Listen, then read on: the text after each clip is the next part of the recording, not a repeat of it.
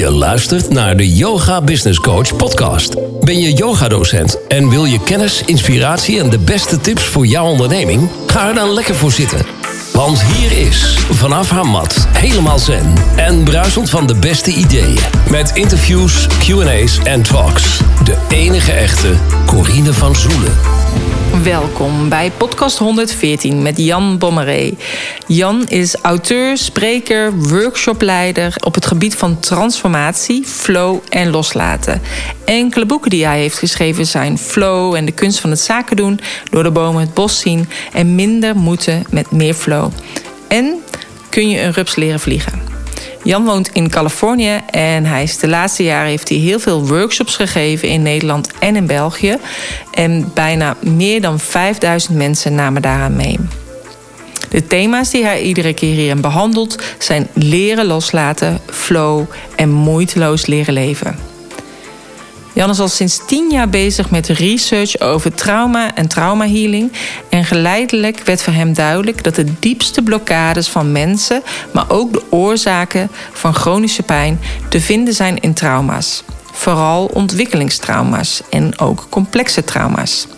Ik heb een heel interessant gesprek met hem. En mocht het zijn als je meer wil weten over hem, over zijn website. Hij heeft gratis video's gemaakt waar je de kunst van het leren loslaten kunt leren door middel van oefeningen en een yoga nidra. Maar ook als je hem wil volgen op social media, check dan even mijn show notes pagina www.deyogabusinesscoach.nl slash 114.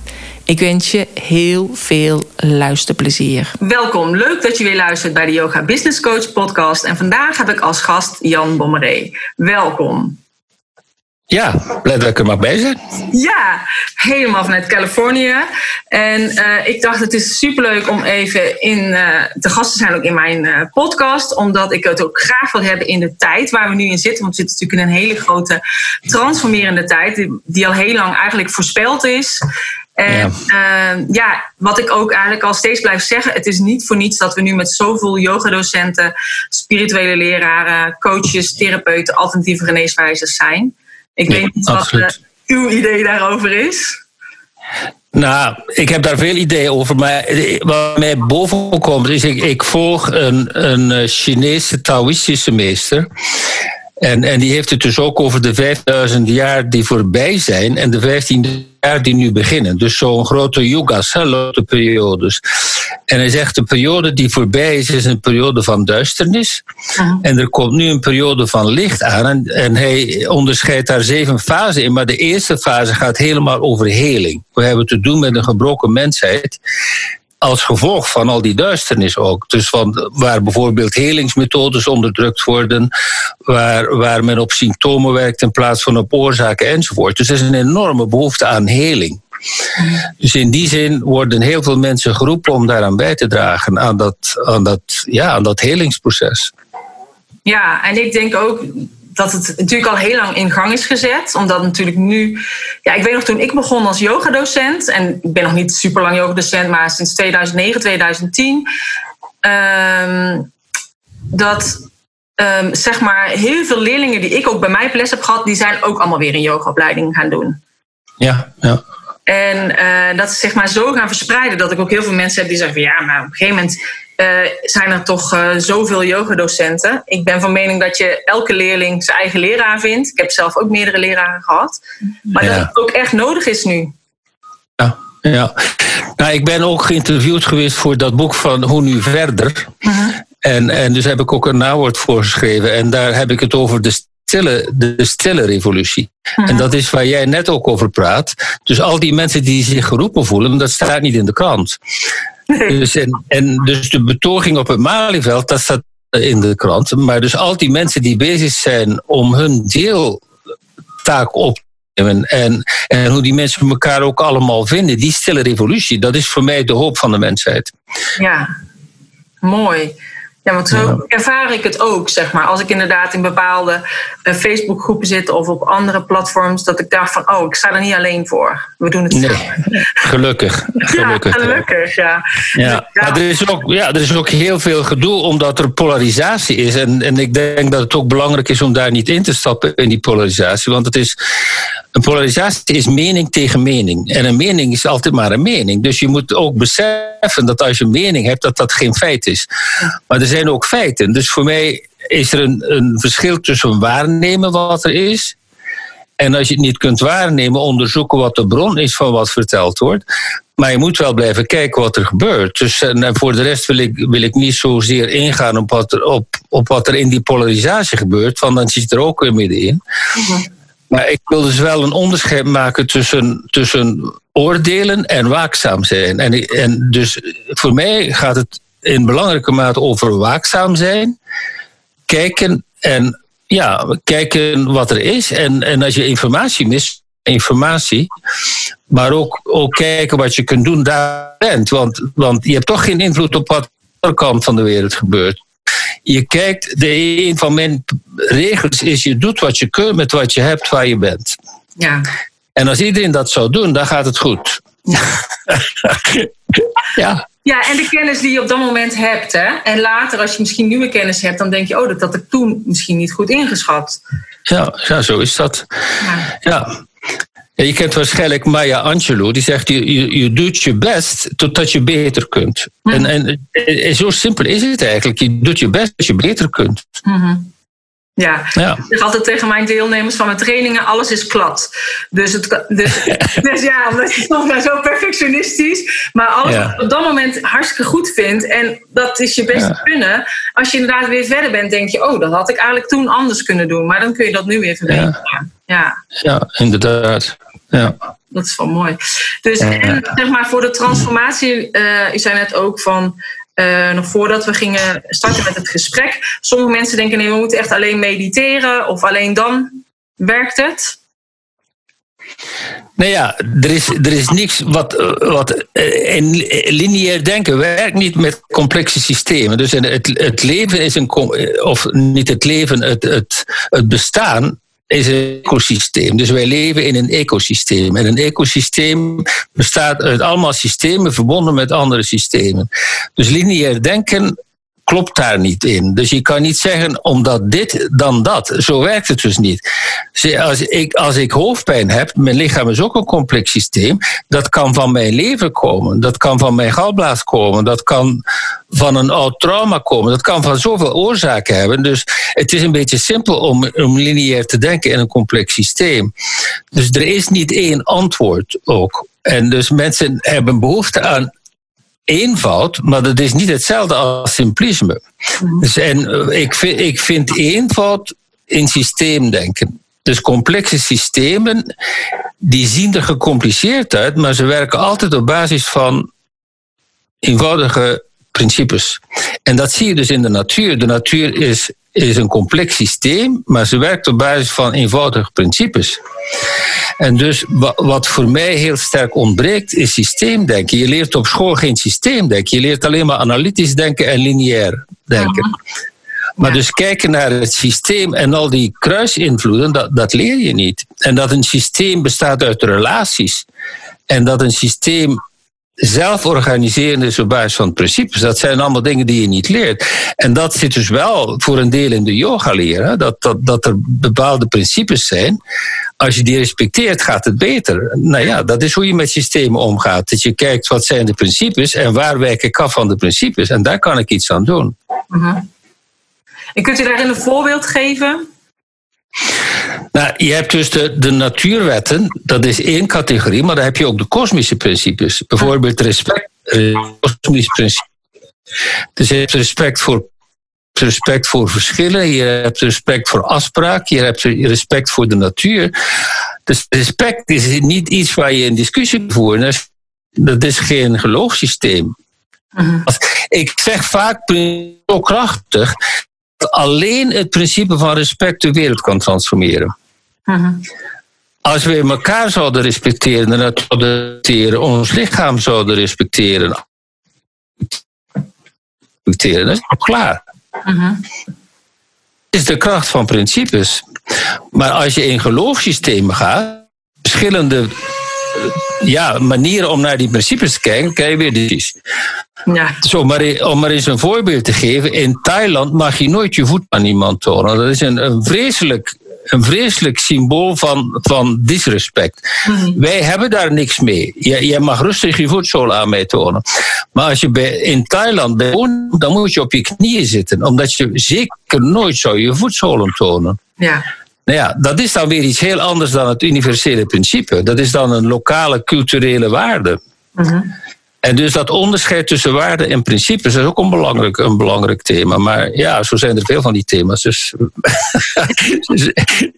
zeg maar waar je, waar je het wil over hebben. Ja, nee, ik denk gewoon inderdaad met wat u zegt over dat lineair systeem. Dat is natuurlijk, we zijn natuurlijk, we hebben geleerd van dit zijn de dagen, eh, de jaren, de maanden.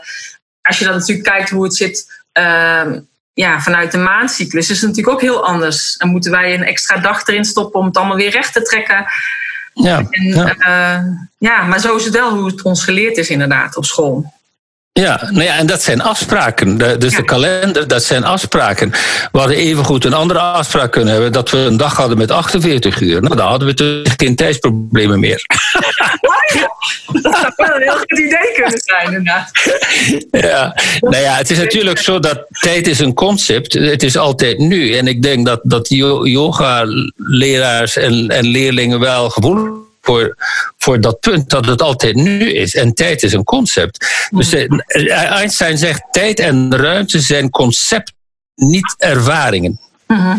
En, en dat is dat, dat soort dingen waar je dus ook, ook op school weinig over leert. Ja. Dus de school is eigenlijk nog, nog in, heel vaak in, in, in het, ja, het, het hele oude paradigma, het Newtoniaanse denken. En ja, we, zitten, we zitten al een, een heel stuk verder met complexiteitswetenschap en, en chaostheorie enzovoort. Dat, uh, ja, dat, daar leer je weinig over. Mhm. Nee. Maar ja, ik denk ook dat de leraren die daar lesgeven op school, die hebben er ook niks over geleerd, dus die kunnen dat ook niet doorgeven. Nee. Nee, en dus uh, meestal is het zo dat het hele generatie duurt eer het nieuwe denken een kans krijgt. En ondertussen zit je in dat spanningsveld dat er een aantal mensen zijn die het wel zien en heel veel mensen die het niet zien. En daar kun je dus heel moe van worden, of je kunt accepteren dat het zo is, dat het een olievlek is en dat je alleen maar kunt tot de mensen die het kunnen horen. En dat je daar niet arrogant moet over worden. Dat, uh, want want dat, ja, dan heb je ook weer gedoe. Ja. Dus mededogen is ook zo'n universeel principe. -huh.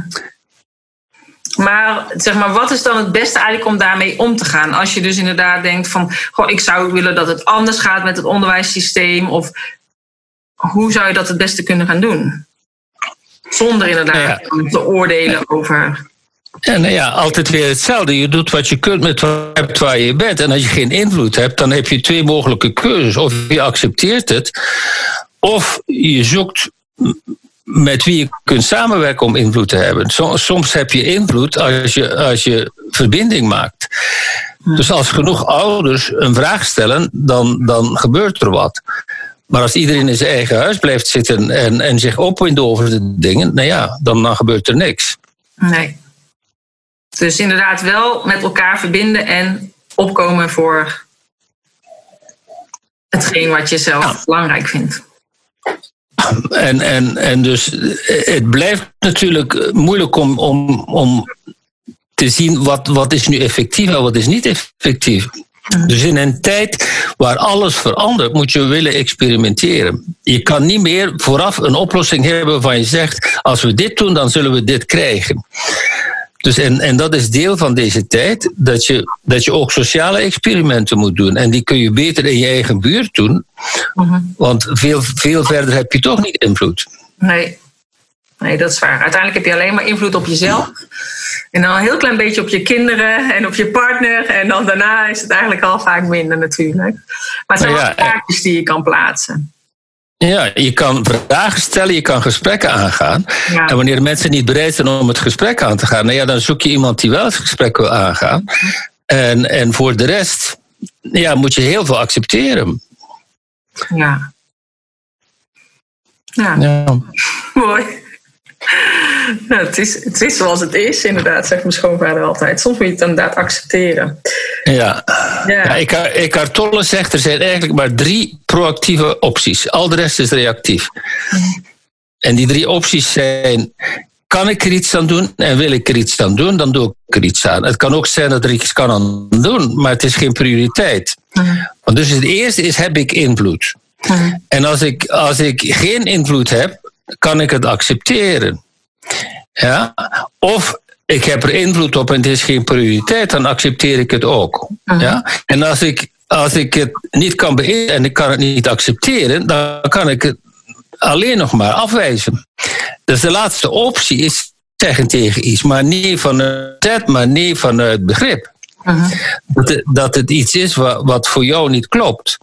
En dat kan bijvoorbeeld zijn dat je met iemand over een bepaald onderwerp niet meer wilt praten. Dus dat je, dat je grenzen leert aangeven, dat is proactief. Maar de hele tijd iets hebben over waar je toch nooit uitkomt met elkaar, dat is reactief. Maar gewoon zeggen, weet je wat, we kunnen het ook eens zijn dat we het niet eens Nou, dat is proactief. Ja, eens zijn dat we eens zijn, maar ja, ah, ik denk dan, als je dan zegt, oké, we hebben het er niet meer over. Uiteindelijk zet het dan toch alsnog tussen je in. Ja, dat, dat, is, dat is het verhaal van als je het echt kunt accepteren, dan kun je het loslaten. En als je het niet kunt accepteren, dan blijf je reactief. Dan blijft het er tussenin staan. Ja, Ja. reactief betekent what you resist persist. Waar je weerstand tegen biedt, daar blijf je mee zitten. Dus op een bepaald moment moet je loslaten. En loslaten betekent waar ik niks kan aan doen, dat laat ik los. Het heeft geen zin om mij op te winden over dingen waar ik geen top heb. Maar dus, ja, je, je hersenen zien dat niet zo. Je hersenen blijven zich opwinden. Dus dat is waar zelfregulering voor staat. En daar heeft yoga een belangrijke eh, taak in te spelen. Is dat je weer leert je zenuwstelsel te reguleren. Dat je niet toelaat dat, dat oude onverwerkte ervaringen bepalen wat jij doet. Zien, oké, mijn, mijn zenuwstelsel gaat nu in overdrive. Ik ga gewoon wat dieper ademhalen. Nou, dat is heel verstandig. Ja, gewoon doorademen. Ja. Nou, het is altijd grappig, want ik weet het, ik had het natuurlijk, ik heb, ik heb het zelf, maar ik heb het ook bij heel veel yogadocenten die ik begeleid. Eh, het is gewoon heel fijn dat we zelf ook yogales konden geven, zeg maar. Tenminste, Ja. toen, ik, dat- toen ik het gaf en dat zij zeggen, nou, joh, ik ben blij dat ik zelf yogales geef. Om gewoon Ja. te ervaren. Want het maakt Ja. niet uit, denk ik, wat voor beroep je doet. Uiteindelijk, ook als yogadocent, kun je je druk voelen. En, eh, Absoluut, absoluut. maar je hebt nu wel Ja. de, de handvatten hoe je het inderdaad kunt aanpakken. Ja, en dat is het hele punt. Pas ik ook toe wat ik weet. Het is, doseren betekent nog niet dat je het ook zelf doet. Nee, precies. Dat is altijd nog een ander. Ja, ja. Een ander punt, inderdaad. Dus, maar, en we zitten dus nu meer in die nieuwe tijd. Dus we zijn eigenlijk zeg maar, van de 3D naar de 5D. Dus ook eh, daar, eh, ja, kunt u daar iets over vertellen? ja. Hoe u dat ziet? het, wij gaan, we komen uit een tijd waar verandering centraal stond. En dus het, het, het grote woord in organisaties was change management. En we zijn in een tijd waar transformatie centraal staat. En dat is iets heel anders. Transformatie is een van binnen naar buiten beweging. Het is een ontwikkeling van potentieel. Dus en, en als je kijkt, dat is iets heel anders. Verandering kun je opleggen. Transformatie kun je niet opleggen. Sterker nog, wanneer mensen in angst leven, dan transformeren ze niet. Dus wat je voor transformatie kunt doen, is een veilige omgeving creëren. Een veilige relatie waarin mensen voelen dat ze ook bijvoorbeeld naar zichzelf mogen kijken. Dus wa- Wanneer mensen veilig zijn, dan doen ze aan zelfobservatie. Wanneer mensen zich niet veilig voelen, dan doen ze aan zelfverdediging. Mm. En dat is wat je ziet in relaties en in organisaties. Als er geen veiligheid is, gaan we in verdediging. Ja. En wanneer we in verdediging gaan, zijn we aan het vasthouden aan het oude. En dan kunnen we niet openen en transformeren. Dus een rups, een rups kan alleen maar een vlinder worden als het proces kan gebeuren. Je doet dat niet. Dus voor ons is het hetzelfde. Het, het transformatieproces is iets wat normaal gebeurt als je het niet in de weg zit. En het, ver- het verschil tussen ons en de rest van het is dat wij een keuzemogelijkheid hebben. Er is geen één leeuw die zegt ik ga vegetariër worden. Die heeft die keuze niet. Nee. Dus, dus wij hebben keuzevermogen. En dat betekent dus dat wij ook kunnen, kunnen ons keuzevermogen niet gebruiken. En dat is waar proactiviteit over gaat. Proactiviteit betekent dat je leert bewuste keuzes maken op basis van een helder waardesysteem. En dat dat waardesysteem, zegt Covey, niet in tegenspraak is met universele principes.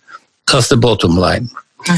Dus er zijn heel veel mensen met hele heftige waardesystemen, maar die zijn niet in lijn met universele principes. Ze doen dingen die niet respectvol zijn. Nou ja, ook weer niet goed bezig. Ja, en ik denk ook, dat wat ik ook in het begin heb gezegd, zeg maar eigenlijk in maart, toen het uh, allemaal een beetje begon, uh, over ja, eigenlijk alles wat niet met de juiste intentie is opgebouwd, en of dat dan inderdaad een relatie is of een, of een bedrijf of wat dan ook, zal gewoon niet meer kunnen blijven bestaan. Nee, en, maar je hebt wel dat, dat iets lang kan terugvechten. Hè? Dus Ja. dat is, eh, iets kan een lange doodstrijd hebben. En ik denk dat dat nu ook maatschappelijk zo is, dat het oude systeem een lange doodstrijd zal hebben. En nou ja, laten we maar hopen dat het nieuwe kan geboren worden. Ja, Want zeker is dat nooit. Hè? Er zijn ook eikels die eikels blijven en rupsen die doodgaan. Dus, de, dus niet, niet elke rups wordt een vlinder. Het, er is ook de invloed van de omgeving. En de omgeving kan toxisch zijn. Dus en het is ook wa- wat je ziet dat mensen met hele goede bedoeling in een toxische relatie zitten. En daar gebeurt ook geen transformatie. nee. En in een toxische maatschappij, of je dat nu leuk vindt of niet, in een toxische maatschappij met allerlei angst, angstepidemieën enzovoort. Uh, dus je moet heel, heel scherp kijken van me- ja, in welke omgeving is een groeiomgeving en welke omgeving is een kriseomgeving. Mhm. Ja. ja, ze zeggen ook niet voor niks toch dat je met, met waar je mee omgaat, word je besmet, zeggen ze natuurlijk altijd. Dus eh, dat je inderdaad moet zorgen dat je in een goede omgeving bent. Ja, dus het is, het is niet nature of nurture, het is alle twee. Mhm. Dus dat, dat is waar de epigenetica over gaat. Dus dat je genen zijn programma's, maar de epigenetica zegt dat de relatie met de omgeving bepaalt welke programma's beschikbaar zijn. En welke en gelezen worden, heet dat. En, en dat heeft te maken met je emotionele staat. Als ik emotioneel reage- reageer op een omgeving, als ik reageer met angst, schakel ik andere programma's in dan als ik reageer met liefde. Mhm. En dus die genen zijn dezelfde, maar welke genen tot uitdrukking komen, dat hangt af van mijn emotionele staat en dus van mijn bewust, van mijn bewust omgaan met de omgeving of niet. En eh, ja, heel veel mensen leven in angst. En heel veel mensen hebben heel veel onderdrukte boosheid. Want dat is ook iets van de oude maatschappij. Dat boosheid wordt, wordt bekeken als iets slechts. Dat je niet leert omgaan met boosheid. Je moet je niet zo opwinden en, en dat soort zaken. Je moet niet huilen en je moet je niet opwinden. Maar, en hoe zou je dan het beste kunnen gaan omzetten dan? Dus dat die angst inderdaad weggaat. Is dat meer door je schaduwzijde aan te kijken? Of, of hoe zou je dat kunnen adviseren dan? Nee, er is ook geen enkelvoudig antwoord op. Het is voor iedereen anders. Je kan in zo'n omgeving zitten dat je daar zonder hulp niet uitkomt. Je kan zoveel trauma hebben dat je er alleen niet uitkomt. Dus er zijn nogal wat mensen die ook helemaal moe zijn omdat ze niet weten waar ze mee te doen hebben. Ze, ze hebben jeugdtrauma en ze weten het niet. En dus ik ben al tien jaar bezig met onderzoek naar trauma, omdat daar gaat mijn volgende boek over. En dat is ook omdat mijn eigen leven heel veel trauma gehad heeft. Dus wat, wat in mijn perspectief het minste begrepen wordt, is wat complex trauma heet. Dus, eh, iedereen weet wel wat shocktrauma is. Als je een ongeval meemaakt of je wordt overvallen of er is een verkrachting, dat is shocktrauma. Maar complex trauma is, is het herhalen van, van niet chockerende zaken die eh, samen wel voor trauma zorgen. Dus als je vaak gepest wordt, als je één keer gepest wordt, dat, is, dat hoeft niet traumatisch te zijn. Maar als je vaak gepest wordt, wordt dat een trauma. Dus en als je als baby je, je instinctief niet veilig voelt, is dat traumatisch. Dat, en dan heb je dus complex trauma al vanuit je babytijd. Maar dan zeg je dus, ja, maar ik heb niks heftigs meegemaakt, maar je hebt wel, je hebt wel trauma. Dus en ik ben ervan overtuigd dat zeker minstens de helft van de mensen onveilig gehecht is. En dat heeft niks te maken met kwade wil, maar met het feit dat ouders vaak ook getraumatiseerd waren en geen hulp hadden. Dus we leven in een tijd waar meerdere generaties met trauma's nu moeten geheeld worden. En, dat je, en dat je dus, we weten dat ook via de epigenetica, dat je ook trauma's van voorouders kunt erven. Ja. En dat is dus de tijd waarin we leven. Dat we, dat we dienen te beseffen wat de oorzaken van problemen zijn in plaats van te vechten met symptomen. Uh-huh. En de oorzaken, en goed, dat is altijd traumatisch. En, en dat is dus waar ik straks eh, voor mezelf een bijdrage wil aanleveren, is dat bewustzijn van wat trauma met je doet en wat de symptomen zijn van ongediagnosticeerd trauma. Mhm. Dus ik heb zelf tientallen jaren foute adviezen gekregen. Ik heb mijn hele leven slaapproblemen gehad. Mhm. En dus ik heb er alle boeken over gelezen die ik kon vastkrijgen. Ik heb alles geprobeerd, van homeopathie met, met, met blote voeten in het gras lopen, koude compressen, warme baden, noem het maar. Maar totdat je beseft dat je eigenlijk met, met trauma rondloopt, eh, klopt niks. Nee. En, er was dus niemand die daarover sprak, over trauma. Men, men is altijd maar bezig met symptomen en lineair denken. Oh, als je dat symptoom hebt, dan moet je dit middel nemen. Mhm. Nou, zo werkt dat dus niet. Nee, en inmiddels slaapt u wel goed? Ik slaap veel beter. Ik, ik, kon, ik heb, heb vroeger echt nachten gehad waar ik helemaal niet sliep. En waar ik maar anderhalf uur één slaapziek had. Ah. En nu, nu kan ik zes tot acht uur slapen. Ik word wel nog af en toe wakker. Maar ik kan slapen. Dus ik, ik heb niet meer slapeloosheid. Ik heb nog altijd niet de beste slaap. Uh Maar ik, ik heb genoeg slaap om gezond te zijn. Ja. Dus ik ben nog altijd bezig met onderzoek naar trauma, omdat ik daar ook nog niet helemaal uit ben. Nee. Vooral dat complexe trauma, dat preverbale trauma, dat is geen simpel onderwerp. Nee, want ik denk ook inderdaad, hoe kom je erachter dan dat iemand het heeft? Als je het inderdaad niet eens echt bewust van bent, bijvoorbeeld als baby of als kind, dan zou je het alleen ja, hypnose kunnen achterhalen of systemisch ja. die manieren. Ja, nou, je kan in ieder geval de symptomen leren kennen. Dus een, een voorbeeld van een symptoom is dat je al van alles geprobeerd hebt en beter. er zijn nogal wat mensen. Dus ik ben bezig met, met uh, een online cursus over loslaten. En hebben dus community bij. En hebben dus gesprekken met mensen en mensen onder elkaar. En, en dat is wat dus heel, heel veel naar voren komt. Is dat, dat mensen eigenlijk voor het eerst in hun leven een idee krijgen dat ze met iets anders te doen hebben dan wat hun artsen en, en therapeuten vertellen.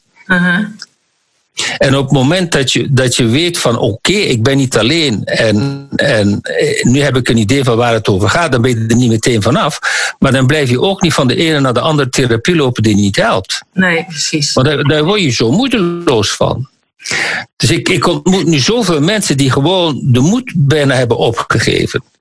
Omdat ze al jaren bezig zijn met alles te proberen en, en het wordt van niks beter ik, ik heb nu de hele tijd krijg nu e-mails van mensen die de cursus aan het doen zijn. Dat, iemand, twee weken geleden zei iemand: Ik heb voor het eerst sinds 30 jaar heb ik minder pijn. Voor het eerst sinds 30 jaar. Nou, stel je voor wat dat betekent voor iemand. Dat iemand leert om aan zelfregulering te doen. Om het zenuwstelsel tot rust te brengen door bewustzijn. Nou ja, ik, ik ben dus wat dat betreft ben ik een grote voorstander van yoga. Dat is, dat is een van de beste dingen die je kunt doen. Ja. Ja, ik denk ook inderdaad yoga en meditatie, het is laagdrempelig. Terwijl, ik weet nog toen ik er inderdaad uh, tien jaar geleden of zo mee begon, vond iedereen nog een beetje zweverig. Maar nu zijn zelfs de huisartsen die het aanraden, of op verjaardagsfeestjes wordt het natuurlijk verteld. Dus ja. het is nu meer algemeen goed geworden, inderdaad. Ja, nou ja, ik geef, ik geef drie gratis lessen. En een van die drie gratis lessen is een yoga nidra oefening. Mhm, ja, en, er, en er, zijn, er zijn mensen die daarvan alleen helemaal verwonderd zijn dat ze beter worden door één oefening. Mhm. En dus ja, het, het is ook, ik voel dat echt als een missie, om, omdat ik zelf zoveel geleden heb. Ja. Ja, en dat is ook de reden dat u dit allemaal bent gaan onderzoeken en die boeken bent gaan schrijven? Nou ja, over zelfontplooiing, dat is eh, in, mijn thema's zijn zelfontplooiing en flow en transformatie. Dat gaat natuurlijk in eerste instantie over jezelf. Mhm. Maar dus op een bepaald moment kom je echt het onderwerp trauma tegen.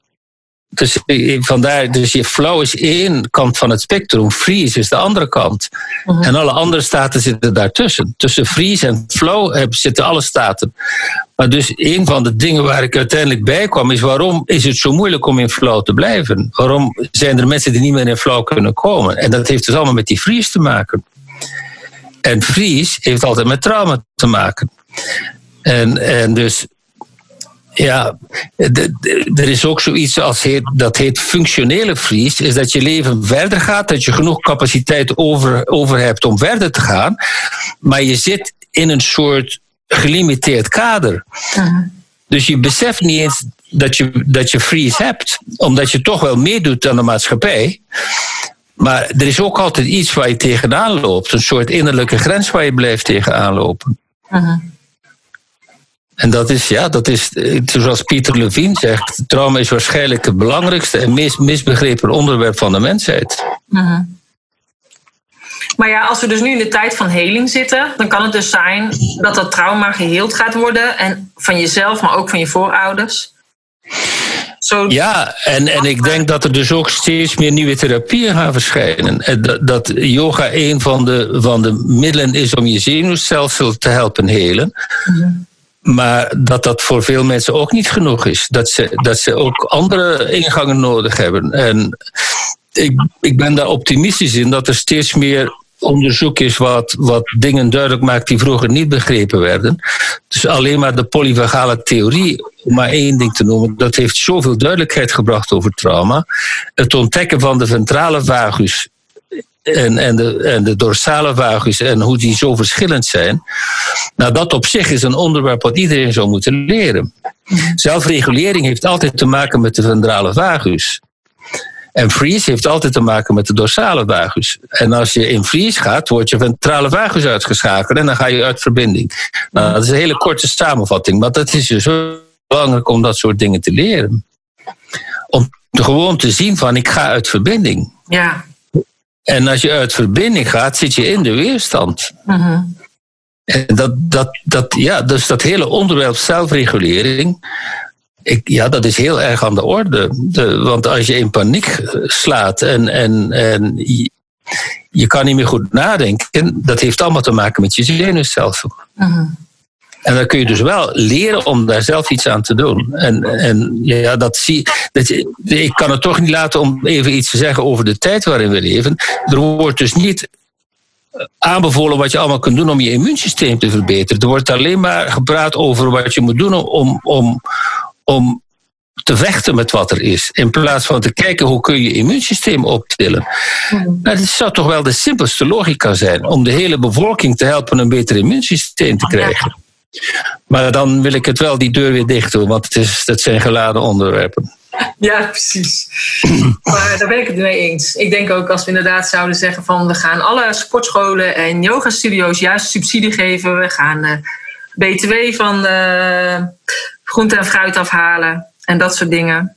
Dan ja, en het idee dat we gesteund worden. en, uh, en bewegen en in de natuur zijn en ademhalingsoefeningen.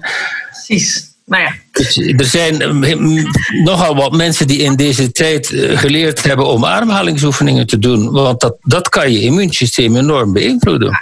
klopt. Nee, dat heb ik ook gedaan. In eh, maart heb ik een extra power talk gegeven, dus een soort webinar. Samen met Helene Ietsma. Zij, bij haar heb ik ook de ademcoachopleiding gedaan. Ehm, juist ook om zeg maar, uh, een ademtechniek te leren aan de yogadocenten, zodat zij hem weer konden overdragen aan de leerlingen. Ja, geweldig. Uh, om inderdaad ja. voor een beter immuunsysteem. Ja, uh, ja. ja, dat is werken voor in plaats van vechten tegen. What you resist, persist. Ja. Dus we kunnen veel beter proactief en creatief in het leven staan in plaats van altijd maar die reactief.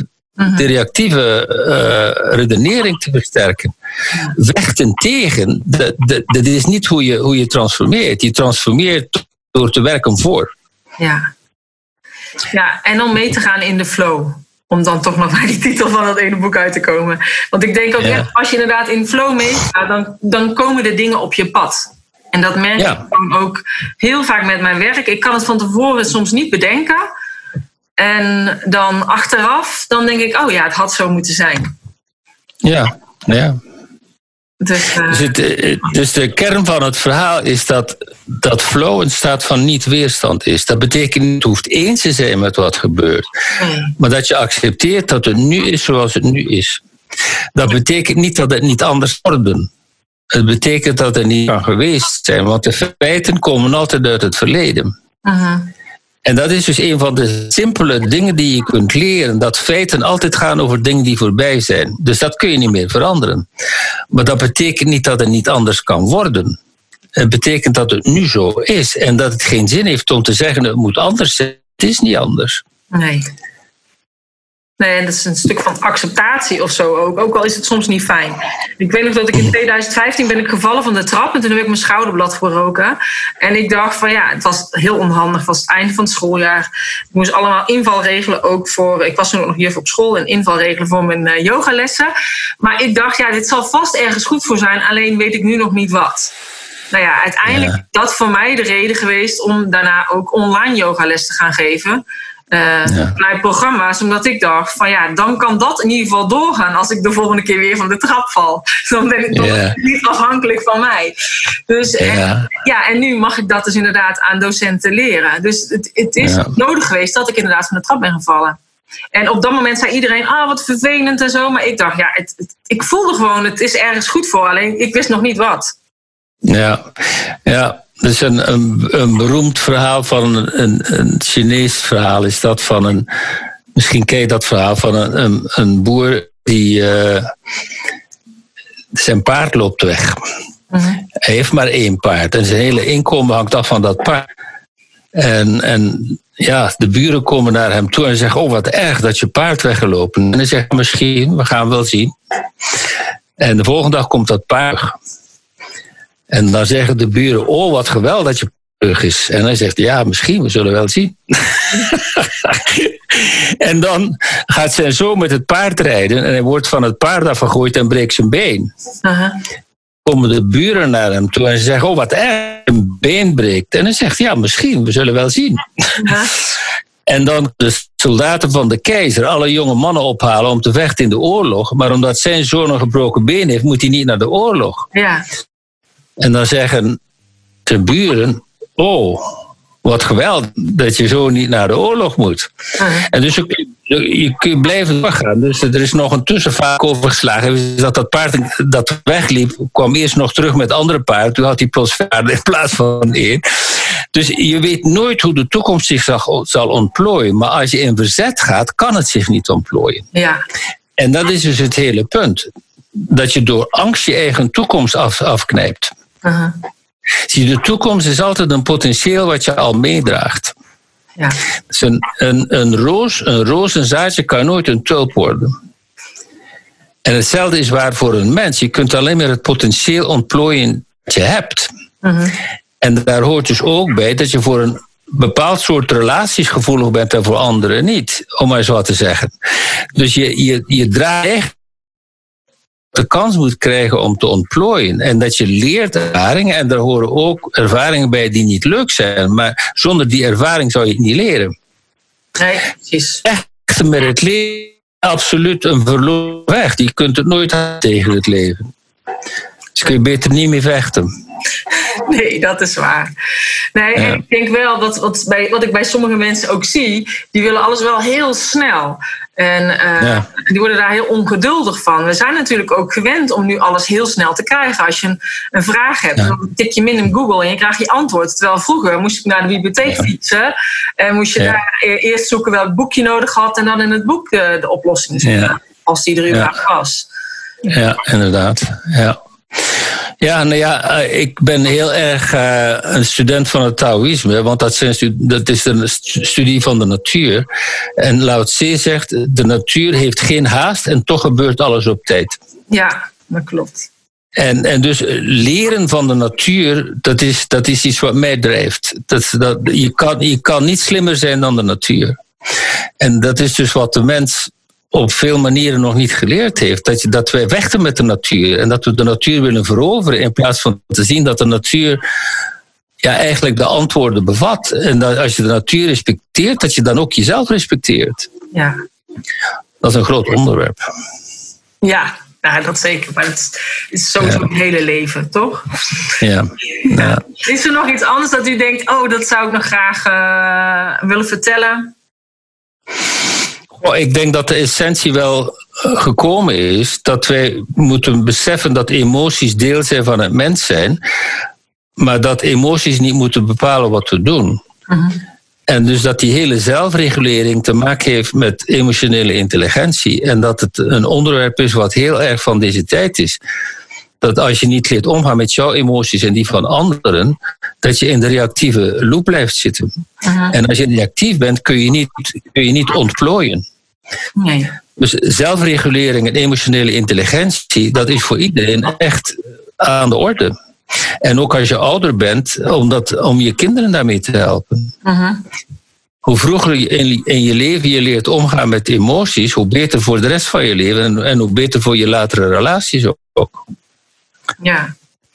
En dat ze inderdaad die emoties te mogen zijn en dat het niet is van uh, je mag niet huilen of je mag niet boos zijn. Ja, ja ik, ik had een keer in, in een groep een, een, een moeder die dat heel mooi samenvatte. Ze zei: Mijn kinderen mogen boos zijn, maar ze mogen niet met de deur gooien. Dat vond ik een geweldige samenvatting. Boosheid is een overlevingsmechanisme. Daar, je kan niet vermijden dat er boosheid komt. Maar, maar leren omgaan met de boosheid, dat, dat is deel van de opvoeding. Ja. Dus ja, ik, het omgekeerde is ook waar. Mensen die niet kunnen boos worden, die laten zich misbruiken, om maar eens wat te zeggen. Dus boosheid heeft een functie. Uh Dus er zijn ook nogal wat mensen die in de spirituele bypass zitten en altijd maar met een grote glimlach op hun gezicht zich laten misbruiken. Nou ja, dat slaat ook nergens op. Dus op een keer moet je nee zeggen. Fuck you. Ja. dus ja, boosheid heeft een functie. Uh maar in de boosheid blijven zitten, dat is het probleem. Maar niet kunnen boos worden is even erg als altijd boos zijn. Ja. Nou ja, ik, ik, weet ook wel, als mensen inderdaad heel boos zijn, het is natuurlijk heel lastig om het dan om te switchen. Om dan inderdaad in één keer uh, te denken, ja, ik ben nu in één keer niet meer boos. Ja, maar zo werkt het niet. Hè? Nee. Ik, in, in dat verband is er een geweldige uitspraak van JFK. Die zegt, je moet aan het dak werken terwijl het niet regent. Uh-huh als het regent, ben je te laat om aan je dak te werken. En dus met emoties is dat ook zo. Het is door je zenuwstelsels te versterken, door te oefenen in zelfregulering, dat je klaar bent als er dan een storm komt. Je moet niet proberen je, te reguleren als je in totale woedeuitbarsting zit. Dat, dat gaat niet door, dat feest. Dan, eh, dan zit je in een woedeuitbarsting. Het enige wat je dan kunt leren is je dan terug te trekken. Om te zeggen, ik moet nu niet verder spreken, want alles wat ik zeg ga ik spijt van krijgen. Ja. Dat kun je wel leren, maar die woede is er dan. Die kun je niet meer tegenhouden. Je kan wel, je kan wel in een andere kamer gaan zitten en, en dieper ademen. Dat kun je wel. Doorheen ademen en dan de boosheid wegademen. Ja. Nee, is goed. Nee, hartstikke fijn. Nou, dank u wel voor uw tijd. Nou, my pleasure. Oké, okay, dankjewel. Dankjewel voor het luisteren. Ik vond het een heel interessant gesprek met Jan, helemaal vanuit California. Mocht jij dat nou ook vinden en zou je nou meer willen weten over het leren loslaten, check dan mijn show notes pagina www.deyogabusinesscoach.nl slash 114. Daar vind je namelijk zijn website. Je vindt daar de link naar de gratis videolessen hoe je de kunst van het leren loslaten kunt oefenen. En je ziet daar ook de linkjes naar zijn social media kanalen. Dankjewel voor het luisteren en graag tot een volgende keer. Namaste.